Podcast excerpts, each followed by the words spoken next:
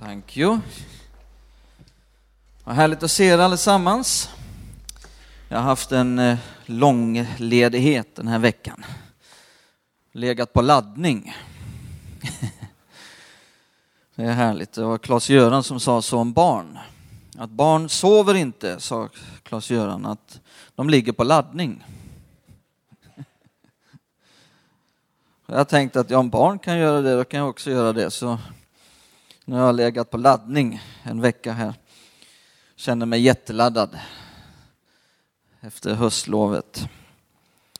Och eh, vi ska fira Herrens måltid senare i gudstjänsten, men innan det så ska vi eh, studera Guds ord. Jag vill att vi slår upp våra biblar till första Korinthierbrevet 12.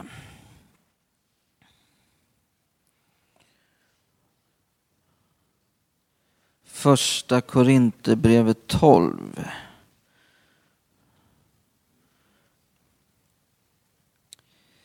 Eh, Medan du letar upp det så ska jag... Jag har med mig både iPad och iPhone idag. Förr i tiden hade jag olika biblar med mig fram om jag hade med mig olika översättningar men nu har jag med mig olika apparater.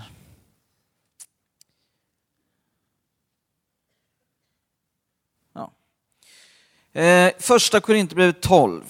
Jag har ett speciellt tema som jag har burit eh, ett tag eh, under hösten och som eh, jag känner mig ivrig att få dela med mig utav.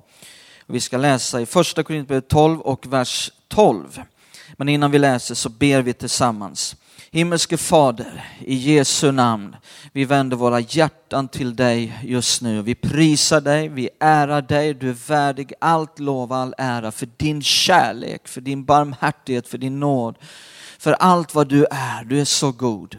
Och nu ber vi speciellt för fortsättningen också av den här gudstjänsten att, att du ska verkligen tala till oss, att du ska uppenbara din vilja, din plan, dina tankar i våra hjärtan så att eh, vår församling, så att våra liv eh, eh, får komma i linje, i enhet med det som du har tänkt. Eh, Fader, vi ber om den helige Andes hjälp, att den helige Ande ska vara läraren, den som leder oss in i hela sanningen. I Jesu namn. Amen. Första Korintierbrevet 12. Då står det så här i vers 12. Ty liksom kroppen är en och har många lemmar, men kroppens alla lemmar, och de är många, utgör en kropp. Så är det också med Kristus. Här handlar det om kroppen och det handlar om att vi är lemmar i den här kroppen. Och så läser vi också i vers 27 och 28. Vers 27 och 28. Men nu är ni Kristi kropp och var för sig lemmar. Gud har i sin församling för det första satt. Lägg märke till detta nu att det står att Gud har i sin församling satt. Vad är det Gud i sin församling har satt? Det är någonting han har gjort. Jo, några till apostlar. För det andra några till profeter. För det tredje några till lärare. Vidare andra till att utföra kraftgärningar andra till att få gåvor att bota sjuka, till att hjälpa. Kan alla säga hjälpa? Där har vi själva temat för idag. Också att styra. Gud har satt några till att styra och att tala olika slags tungomål. Eh, så här ser vi nu de här tjänsterna som Gud har satt i sin församling. Och en av dessa tjänster är då att hjälpa, eller vi skulle kunna säga hjälptjänst. Eh, och, det är det som är mitt tema idag, det är vikten utav hjälptjänst. Vikten av hjälptjänst. Eh, den här tjänsten som jag vill tala lite grann om här idag, den är helt avgörande. Det här är en helt avgörande tjänst. Det är någonting oerhört viktigt som vi ska tala lite grann om här idag. Eh, den är helt avgörande för om vår församling, om Guds församling ska kunna utföra det som är Guds plan eh, och som Gud har kallat vår församling till att utföra. Det är en helt avgörande tjänst för om Guds ord ska ha framgång. Kommer vi att se senare här. Eh, för om eh, evangeliet, de goda nyheterna ska ha seger. Eh, det är en helt avgörande tjänst för om, om Herren ska kunna förvandla liv. Helt avgörande tjänst. När man läser de här verserna här så förstår man att den här tjänsten är lika unik som apostelns tjänst. Den är lika unik som profetens tjänst. Som tjänsten att styra. Som tjänsten att vara lärare. Eh, det är en, en tjänst som tar emot smörjelse. Det är ett knepigt ord för den oinvigde. Men förmågan från den helige ande skickligheten från den helige ande. Eh, allt det här, det tar den här tjänsten emot lika mycket som aposteln, som profeten. Därför att det här är någonting som Gud också har satt i sin församling, i kroppen, i Kristi kropp. Är ni med? Ehm, den känns som i Guds ögon är lika viktig som pastorns, som ledarskapets och de andra tjänstegåvorna. Nämn vilken som helst. En oerhört viktig tjänst, helt avgörande. Eh, det grekiska ordet här för att, att där det står att hjälpa är antilepsis. Antilepsis. Och det betyder, om man nu översätter det här bokstavligen, att avlasta. Det är en tjänst som avlastar, för det är vad det betyder. Att underlätta är vad det här grekiska ordet betyder. Avlasta, underlätta, en som ger assistans. Så Gud har satt i Kristi kropp en mycket specifik tjänst som är där för att stödja, som har en bistående roll. Så om du därför har en tjänst som avlastar, som underlättar, som ger assistans, som stödjer, som bistår, då är du i hjälptjänst. Helt enkelt. Eh, och vi ska se mycket här i Guds ord idag eh, om den här tjänsten. För Bibeln talar väldigt mycket om det här. I Gamla Testamentet, men också in i Nya Testamentet, i Apostlagärningarna och i breven, så ser vi den här tjänsten hela tiden nämnas. Eh, och jag känt det så angeläget att få tala om, om detta. Eh, om du därför gör något eh, så att någon annan inte behöver göra det, då är du i en hjälptjänst. Eh, och den är så, så avgörande för Guds ords framgång. Hjälptjänsten den inkluderar många olika slags uppgifter. Jag har visat några på bild här uppe. Eh, men till exempel ljudtekniker, eh, sekreterare, kontorister, administrativa tjänster.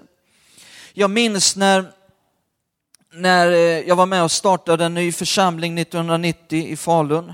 Och vi började med en medlem. Det visade sig att den medlemmen var en ulv.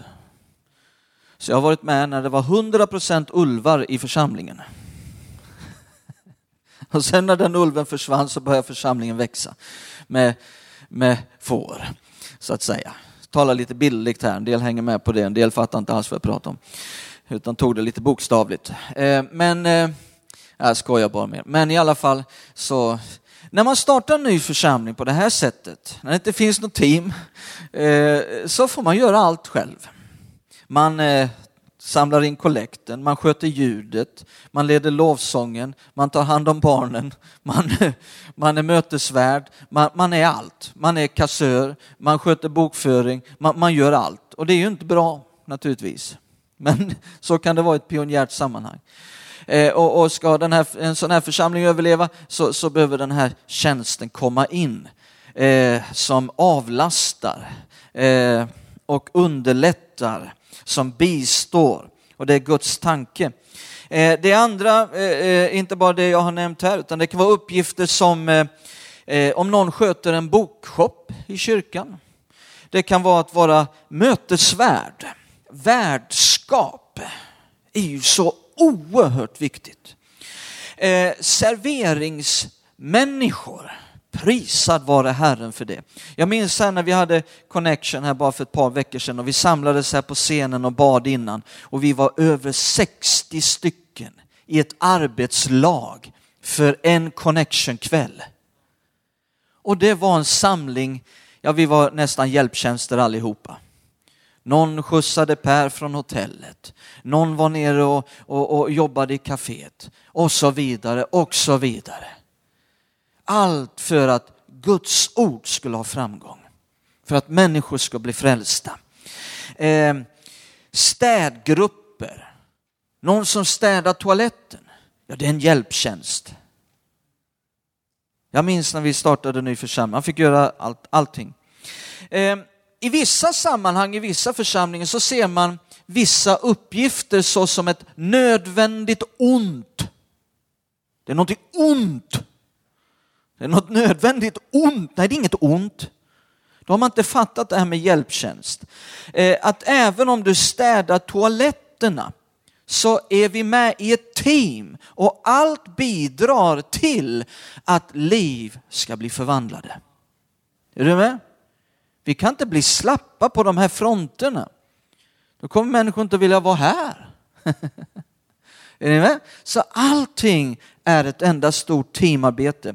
Och, och det handlar inte om att vi, ja, vi får hoppas att någon frivillig ställer upp. Nej, jag tror på kallelsen till hjälptjänst. Jag tror att Gud lägger ner på insidan i människors hjärtan. Det här har jag en skicklighet till att göra. Det här har jag en glädje att göra. Det är någonting som den helige ande tänder och väcker upp. Och man känner det här är min, det här, det här ska jag göra. Och jag tror att, vi, att Gud kallar även i dem.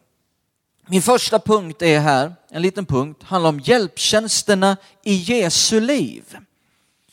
Jesus är den största, största tjänstegåva. Han var alla tjänstegåva. Han var apostel, han var profet, han var lärare, han var herde, han var evangelist, han var allting. Och runt omkring sig så hade Jesus ett team av hjälptjänster. Har ni lagt märke till det i evangelierna? Han hade en kassör. Kan ni tänka er det? Det fanns bokföring. Kommer ni ihåg vem kassören var? Judas var ju kassör. Nu är jag glad att vi har bättre kassörer här. Så, eh, och, och sen fanns det serveringsgrupper. Ja, visst. Eh, det verkar som alla apostlarna var med i serveringsteamet. När de skulle ställa till med påskmåltiden, vad sa Jesus? Han, han gav dem direktiv, så här och så här ska ni göra. Gå nu och ställ i ordning påskmåltiden. Sen när de skulle ge mat åt flera tusen, vad hände då? Jo, apostlarna, de fick ansvaret, de var eh, de som skulle bli apostlar om man säger så, de som var lärjungar till Jesus. De fick ansvaret nu att dela upp människorna i olika grupper. Sen skulle de dela ut maten och efteråt så skulle de ta hand om det som blev över. Det här är hjälptjänst. Det fanns hjälptjänster omkring Jesus för att han skulle kunna vara fokuserad på det som var kallelsen på hans liv. Är ni med? Hade han behövt vara kassör, hade han behövt att fixa allting hela tiden och, och bara vara nedtyngd av de här lärjungarna, eh, då hade hans egen tjänst börjat att vackla. Men det frigjorde honom att vara fokuserad till att göra det som var hans uppgift. Hjälptjänsten i Jesu liv. Eh, om vi sen går vidare här eh, till Apostlagärningarna 6 så ska vi tala lite grann om, om syftet, det, lite mer i detalj. Vi ska se det här. Min andra punkt är hjälptjänstens syfte och smörjelse. Hjälptjänstens syfte och smörjelse. I Apostlagärningarna kapitel 6 så kan vi läsa från vers 2. Eller vi läser från den första versen. från vers 1. Här har vi ett klassiskt välkänt bibelställe om hjälptjänst. Apostlagärningarna 6 från vers 1. Vid den tiden då antalet lärjungar ökade började de grekisktalande judarna klaga på de infödda judarna över att deras änkor blev förbisedda vid den dagliga utdelningen. Så här finns nu ett problem. Vissa änkor, de grekisktalande judarnas änkor, eh, känner sig förbisedda. Det är något som inte funkar här. De som har ansvar för det här klarar inte av sitt jobb. Varför är det så här nu då? Ja, vi läser vidare. Vers 2. Då kallade de tolv till sig alla lärjungarna och sa, det är inte bra att vi försummar Guds ord för att göra tjänst vid borden. Ja, här har vi anledningen. Petrus, Jakob, Johannes, de här apostlarna, de gjorde tjänst vid borden. Men de skulle också ha ansvaret för Guds ord och för undervisningen utav det här. De hade helt enkelt för mycket på sitt bord. De skulle göra både det de var kallade till, men de skulle också hålla på med hjälptjänsten. Och, och då blev det att det började vackla. De klarade inte av det här. Änkor började känna sig förbisedda. Kan ni se Petrus och Johannes framför er, hur de springer runt och försöker febrilt hinna med allt det här? Och de misslyckas. Och de säger det här är inte bra. Eh, titta nu nästa vers i vers 3. Nej bröder, utse bland er sju män som har gott anseende och är uppfyllda av ande och vishet, så ger vi dem den uppgiften. Själva skall vi ägna oss åt bönen och åt ordets tjänst. Alla de församlade tyckte att förslaget var gott och de valde Stefanus, en man uppfylld av tro och den helige ande. Vidare Filippus, Prokorus, Nikanor, Timon och Pumba. Per, nej, förlåt mig, Pumba var inte med. Parmenas och Nikolaus, en proselyt från Antiochia. Dessa förde de fram inför apostlarna och bad och la händerna på dem. Och titta nu vad som hände i vers 7. Och Guds ord hade framgång. Guds ord hade framgång. Och antalet lärjungar i Jerusalem ökade kraftigt. Och även en stor skara präster blev lydiga mot tron. Då är det väckelse, när prästerna blir lydiga. Så här händer stora grejer. Eh, så här har vi hjälptjänst, här har vi också syftet. Eh, att syftet finner vi här är så tydligt. Att dessa hjälptjänster nu som, som eh, kommer in för att avlasta, för att eh, underlätta, för att bistå, för att assistera apostlarna i deras tjänst. Helt enkelt syftet är att frigöra de andra tjänstegåvorna. Det är det stora syftet, att frigöra de andra tjänstegåvorna så att de kan fungera i den kallelse som Gud har lagt på deras liv. Eh, så här, syftet är att avlasta, bistå, underlätta, assistera. Pastor, ledarskap, tjänstegåvorna. Eh, och på det här sättet så kan de, och här står det då att de kunde ägna sig åt bönen och åt ordets tjänst, att bli bättre kanaler för den helige ande att verka genom deras liv.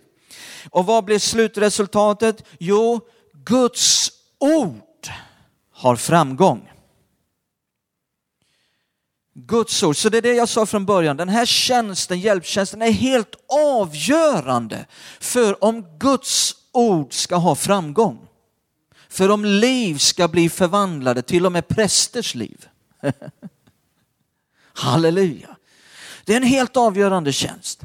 En oerhört viktig tjänst. Men här ser vi också inte bara syftet utan vi ser smörjelsen. Och vad är det här bibliska ordet? Vad, är det för, vad handlar smörjelse om? Jo, det handlar om den helige ande. Det handlar om förmågan som den helige ande ger på ett övernaturligt sätt. Kraften, skickligheten. en övernaturlig förmåga att utföra det här arbetet, inte i sin egen förmåga utan i den helige andes förmåga. Och ser ni att de var väldigt noga med detta. De säger här i, i vers 3, nej bröder, utse bland er sju män som har gott anseende och är uppfyllda av ande. uppfyllda av ande, för det handlar om inte bara rent naturliga föreningsmässiga grejer som andra föreningar sköter på samma sätt. Nej, det handlar om någonting mer. Det handlar om syften som är större, det handlar om Guds rikets syften, det handlar om Guds ord ska ha framgång och det handlar om att göra det med en skicklighet som blir övernaturlig, eh, som blir eh, eh himmelskt. Eh, och därför behöver man bli uppfylld av ande för uppgiften. Och sen valde de ut Stefanus. För det står att han var uppfylld av tro och den helige ande. Och vidare Filippus och så vidare. De var uppfyllda av den helige ande. Eh, därför att hjälptjänsterna måste vara män och kvinnor som flödar med den övernaturliga smörjelsen från den helige ande, som är känsliga för den helige ande. Eh, så den här tjänsten, precis som jag sa i början, tar emot den helige andes förmåga precis lika mycket som aposteln. Precis lika mycket som profeten, precis lika mycket som läraren, så finns det lika mycket ett mottagande av den helige andes förmåga för detta arbete. Och, och, och jag, jag, skulle kunna stå här idag och börja nämna många namn här i vår församling. Jag ska inte göra det för det blir alltid fel. Men jag känner mig frestad att göra det för jag har njutit av att se hjälptjänster i den här församlingen. Både unga, vissa som är i tonåren, andra som är 20-plussare och sen hela vägen upp till eh, 70-80 som fungerar i hjälptjänst som man bara, man bara njuter av det. Jag kan njuta lika mycket av det som när jag sitter under en lärartjänst och njuter, eller under en profettjänst och det flödar. Alltså, man blir bara så välsignad. När den här hjälptjänsten flödar på i den helige andes kraft och förmåga och man känner, har de klonat sig? De är överallt. Det är en övernaturlig förmåga att kunna göra så här mycket. Ja, det är fantastiskt när det blir på det här sättet. Eh, lika mycket som aposteln är en övernaturlig tjänst, lika mycket är hjälptjänsten övernaturlig. I Guds rike, i Guds församling. Du vet, vi måste förstå skillnaden mellan att hjälpa till och hjälptjänst. Hörde du vad jag sa? Det finns en skillnad mellan att hjälpa till och hjälptjänst. Vi kan alla hjälpa till här och där. Men hjälptjänsten är, är någonting som Gud har insatt. Gud har placerat. Det handlar inte om att hjälpa till då och då, det handlar om en livsstil. Det handlar om något som Gud lägger ner på insidan av en människa. Eh, där den människan kopplar med visionen som finns i ledarskap, i andra tjänster för att bistå, för att avlasta, för att underlätta, för att frigöra. frigöra. Kopplar inte bara med visionen, kopplar också med bördan som en tjänstegåva bär kopplar med detta och som sen går in och hjälper, assisterar. Det handlar om att med sitt liv överlåta sig till att assistera. Titta här i första Timotebrevet 3, vi ska läsa några bibelställen om hjälptjänst. Vi har sett i Apostlagärningarna 6, syfte, smörjelse. Vi ser också i första Timotebrevet 3 och den första versen, vers 1. Om någon gärna vill få en församlingsledares tjänst, episkopos på grekiska, så önskar han sig en god uppgift. Och så handlar det några versar här som kommer efter det här om församlingsledare. Den uppgiften att vara församlingsledare. Men i vers 8 så börjar ett nytt avsnitt. Och då står det i vers 8, församlings tjänarna. diakonos på grekiska, diakonos, som betyder tjänare. Församlingstjänarna ska på samma sätt som församlingsledarna då vara allmänt aktade och pålitliga. De får inte missbruka vin eller vara ute eh, sent på nätterna. Nej, eller vara ute efter pengar, så står det. Eh, så här står det då om församlingsledarna först och sen kommer ett avsnitt om församlingstjänarna.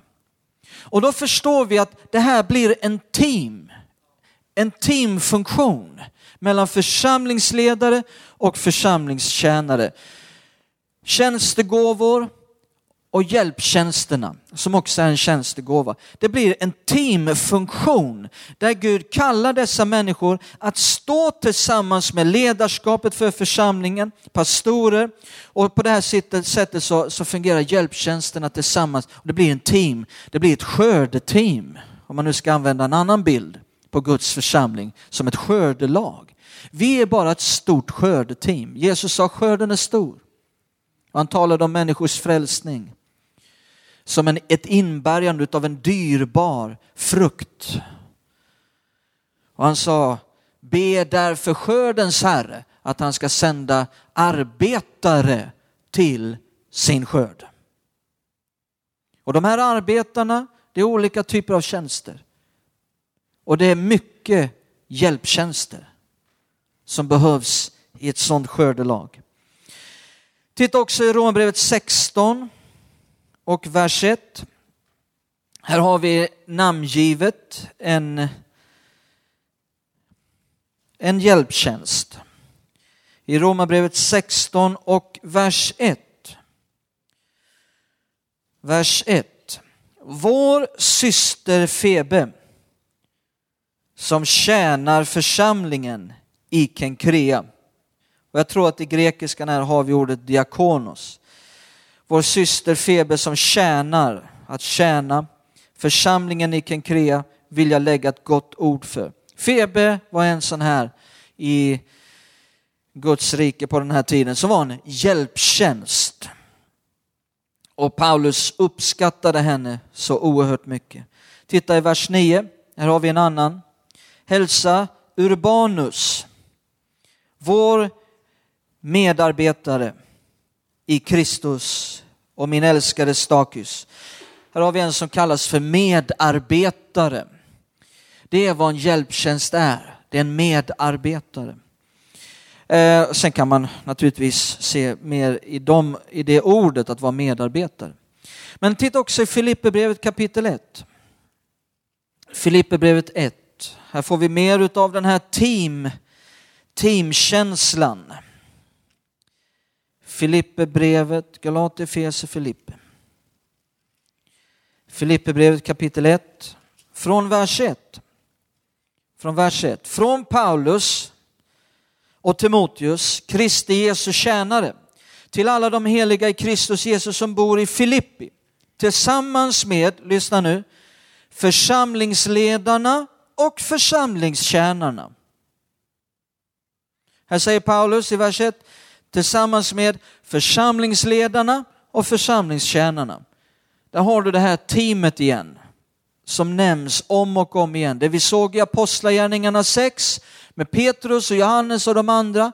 Och sen Stefanus och, och Filippus, det var samma sak. Församlingsledare och församlingstjänare. Och det här kommer tillbaka gång på gång genom Nya Testamentet. Att det här är ett team som funkar tillsammans. Titta nu vers 2. Nåd vare med er och frid från Gud, vår Fader och Herren Jesus Kristus. Jag tackar min Gud var gång jag tänker på er. Så ofta jag ber för er alla gör jag det alltid med glädje. Varför då? Jo, eftersom ni har varit med i arbetet för evangeliet från första dagen ända till nu.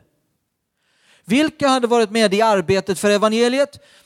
Jo, de i Filippi. Och, och, och vi kan också se det här med att i det här teamet, vad är det det handlar om? Det här teamarbetet, församlingsledare och församlingstjänare framgång för evangeliet, arbetet för evangeliet. Att vad vi än gör, det är så vi måste tänka i vår församling, att vad jag än gör så är det i arbete för evangelium. Vilken uppgift den är, det är för att evangeliet ska nå ut. För att människors liv ska bli förvandlade.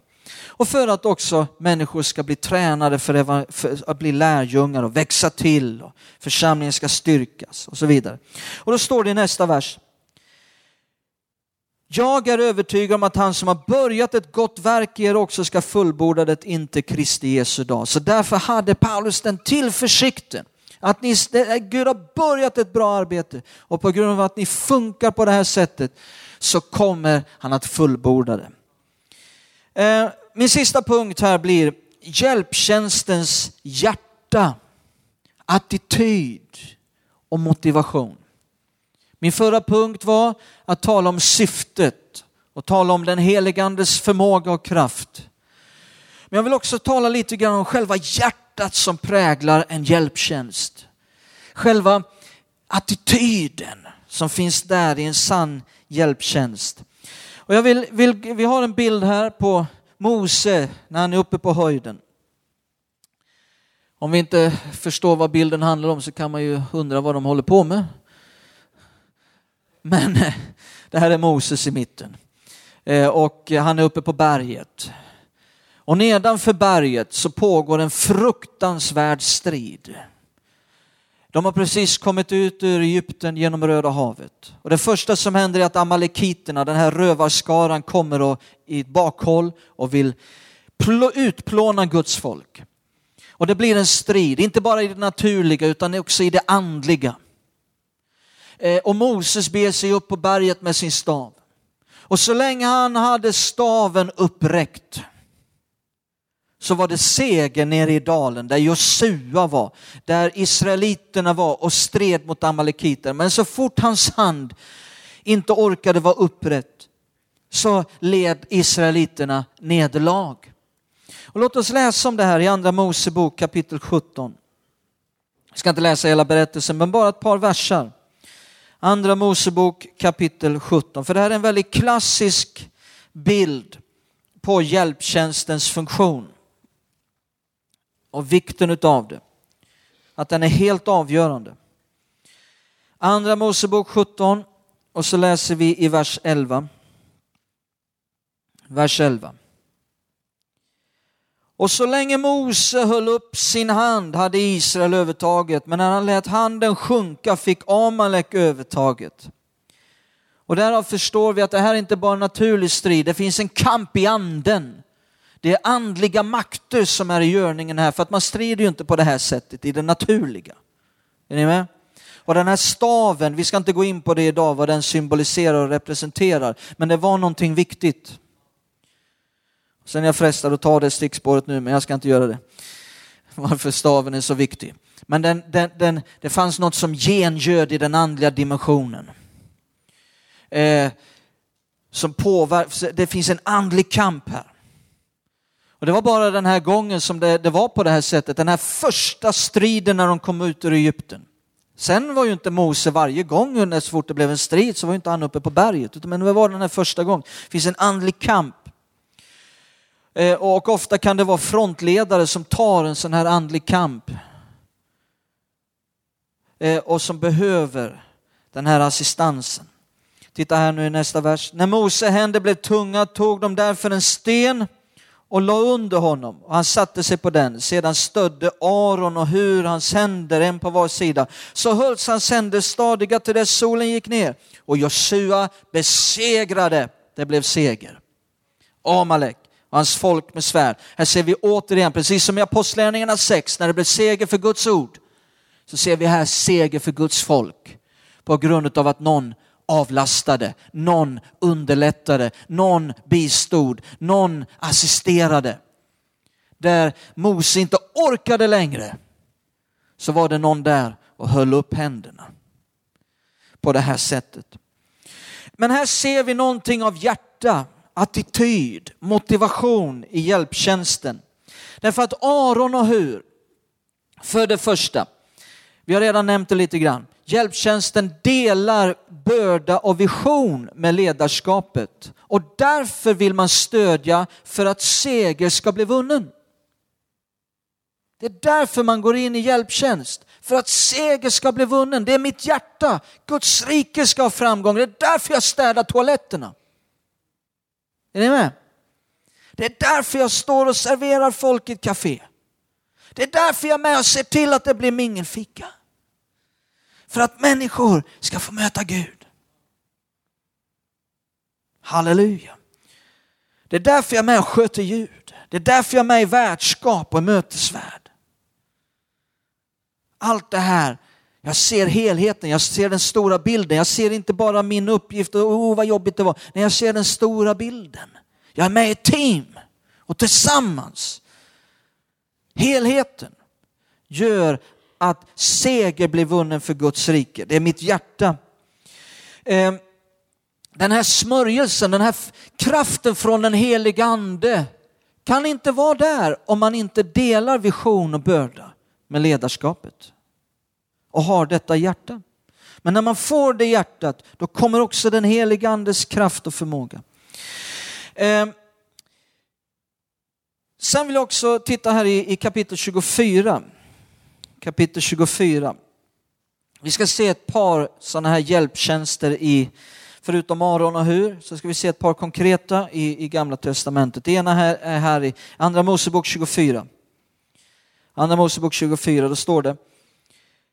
Då gav sig Mose av tillsammans med sin tjänare Josua. Och Mose steg upp på Guds berg.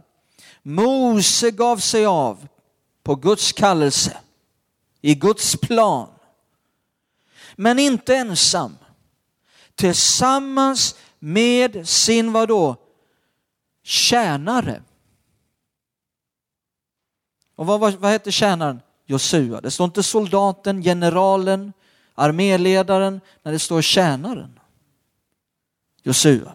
Så när Gud kallade en ledare så kallade han också någon till hjälptjänst.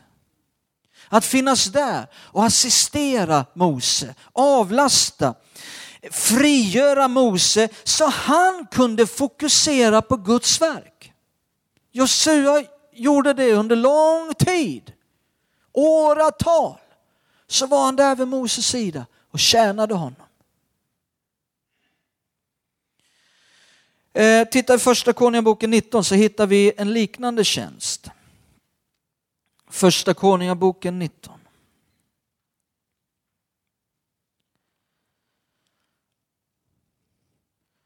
Då står det i vers 19.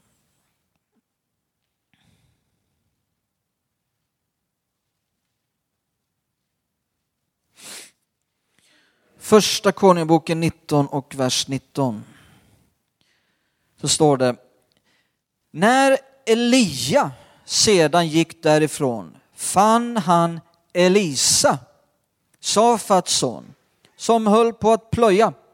Tolv par oxar gick framför honom och själv körde han det tolfte paret. Elia gick fram till honom och kastade sin mantel över honom. Det betydde att han eh, kallade på Elisa när han kastade manteln över honom. Då släppte han oxarna och skyndade efter Elia och sa, låt mig först få kyssa min far och min mor så ska jag sen eh, följa dig. Han sa till honom, gå tillbaka igen, du vet ju vad jag har gjort med dig. Då lämnade Elisa honom och gick tillbaka och tog sina båda oxar och slaktade dem och med oxarnas ok kokade han deras kött. Detta gav han åt folket och de åt. Därefter står han upp och följde Elia och blev hans, vadå, tjänare. Så Lisa under lång tid var tjänare åt Elia. Gud hade kallat en profettjänst Elia, men han kallade också en hjälptjänst. Att finnas där för att avlasta, underlätta, bistå, stödja, frigöra Elia i hans tjänst. så att Guds ord kunde ha framgång, så att Guds vilja, Guds planer kunde ha framgång, så att Elia kunde fokusera. Så hjälptjänsterna är trogna tjänare eh, som har en väldigt enkel, hjärtlig önskan att göra vad som helst för Gud. Ingen uppgift känns för simpel för detta ödmjuka hjärta. En ödmjuk attityd. Och det är nästa, nästa attityd. Nu slänger jag upp den där bilden igen tillbaka. Nästa attityd. Inte bara en attityd av att koppla med börda och vision och för att Guds ord ska ha framgång, utan också en ödmjuk attityd finns i en äkta hjälptjänst. En väldigt ödmjuk eh, hjärta, där ingen uppgift känns för simpel, utan förstår värdet i allt. Eh, som är villig att ibland även hamna i situationer där man får lägga åt sidan egna önskningar, egna bekvämligheter för att tjäna Guds församling. Och bara älska det. En sann hjälptjänstattityd är raka motsatsen mot självcentrering. Det är det hjärtat som är. Att själv söka att bli upphöjd, att själv söka efter att bli sedd. Och därför har ett sant hjälptjänsthjärta inga problem att underordna sig de ledare som Gud har satt i sin församling. Titta nu i andra Konungaboken 3, jag tycker det här är ett sånt underbart bibelställe som vi ska avsluta med. Andra Konungaboken 3 och vers 11. Jag vill visa på en sak till sist. I Andra Konungaboken kapitel 3. Elia, Elia han är inte där längre nu. Han har blivit upptagen till himlen. Gud ryckte honom. Så det finns ingen profettjänst som Elia nu. Men eh, Elisa har plockat upp manteln, men det är precis i början. Och, och så ser vi här i kapitel 3 och vers 11. Men Josafat sa, lyssna noga. Finns det ingen Herrens profet här så att vi kan fråga Herren genom honom? Då svarade en av tjänarna som Israels kung hade med sig, Elisa, Safats son, finns här. Han, och titta nu kommer det, han som brukade hälla vatten vatten över Elias händer. Hörde du det? Jag tycker det är så ljuvligt. Vilket hjärta, vilken attityd som Elisa hade i att tjäna Elia. Han var känd för någonting.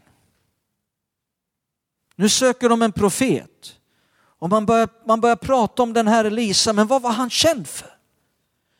Han var inte känd för att vara framfusig, stolt, självcentrerad, med, och se mig, hör mig. Nej, han var känd för att vara den som brukade hälla vatten på Elias händer.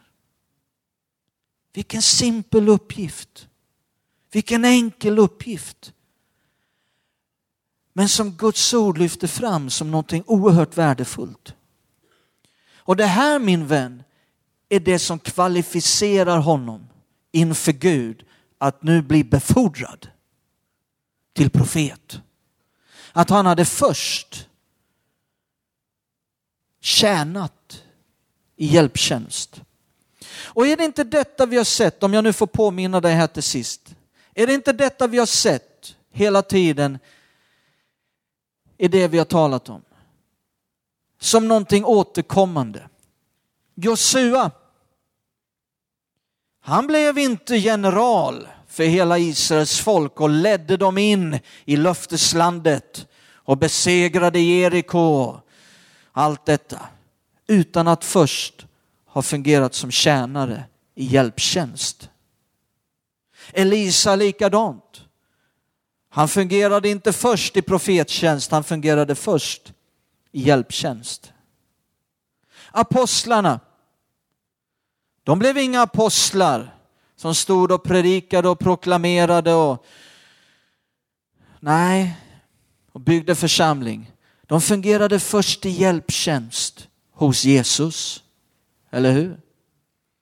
Och Stefanus, Filippus, Timon och Pumba. Nej, kommer ni ihåg de här? Ja, vad hände med Stefanus och Filippus? Ja, Stefanus, han var snart, han var inte bara med i, i, i, på ett håll, utan rätt vad det var, då var han igång och predikade, full av den helige ande. Och Filippus, ja, sedermera så omnämns han som evangelisten. Men han var inte evangelist från början. Han tjänade, han underordnade sig, han utförde enkla uppgifter som i Guds ögon inte är enkla uppgifter. Därför att om vi går tillbaka till där vi började så finner vi att det står att, att de olika lemmarna i kroppens uppgifter är av lika värde. Det går inte att säga att en lems uppgift är mer värd än någon annan. Alla är lika värda i Guds ögon i Kristi kropp. Men det funkar på det här sättet i Guds ögon. Och jag tror att det är så här att jag tror inte på att människor ska bli pastorer, bli apostlar, bli profeter, bli missionärer, bli eh, pastorer. Om man inte först har visat på att man är villig att tjäna med en ödmjuk attityd, axla uppgifter med en attityd som säger jag är villig att göra vad som helst. Bara tala om för mig vad jag kan få hjälpa till. Behövs ni, behöver ni städa toaletter? Jag är här. När det här har fått visa sig i en människas liv, då ser Gud ett hjärta som han kan ge mer ansvar. Är ni med? Jag tittar alltid efter sådana här saker i människors liv. Vad är det för ett hjärta som finns där? Hoppas ni har fått någonting idag. Och till sist så vill jag säga detta att eh, jag var med på samlingen här för våra härliga mötesvärdar. Vi har 22 stycken underbara mötesvärdar i vår församling. Det är fantastiskt. Det är inte lite. Och vi har ett härligt värdskap som är så ljuvligt. Det är härligt att se er in action. Och allt det ni gör vid olika tillfällen. Eh, men i det här mötet så fick jag reda på att det, det, det, 22 är bra, men egentligen behövs det 40 för att det ska fungera helt tillfredsställande. Så det fattas därmed 18 stycken. Och, och därför så skulle vi gå ut med en, en förfrågan här idag och lyfta det här lite speciellt. Finns det 18 stycken i vår församling som säger, ja men jag, kan, jag, jag ska vara med och hjälpa till. Jag ska vara med och, och i den här uppgiften och gå in i värdskap, i att vara mötesvärd eh, och fungera i den här hjälptjänsten. Eh, så vi vill lyfta detta lite grann idag och, och vi har Maria här. Kan inte du resa på dig? Eh, om du nu här idag känner att jag skulle vilja gå in i den här uppgiften, prata med Maria efteråt. Hon är inte farlig att prata med. Hon kommer att, att känna sig jättevälsignad och alla andra. Eh, det skulle vara väldigt dyrbart om vi kunde få 18 till. De skulle fungera helt perfekt. Eh, och vet du vad? Du missar inte en gudstjänst ens en gång. Så du får vara med och prisa Gud och halleluja. Du får vara med och, så det, det, det, och det är en väldigt, väldigt värdefull uppgift. Här på söndagarna, också vid andra tillfällen så fungerar det här värdskapet. Och det är en sån viktig uppgift i vår församling. Så återigen, prata med Maria efteråt om du vill gå in i det här. All right. Vi ska gå vidare i vår gudstjänst. Vi ska fira Herrens måltid. Jag lämnar över. Once good.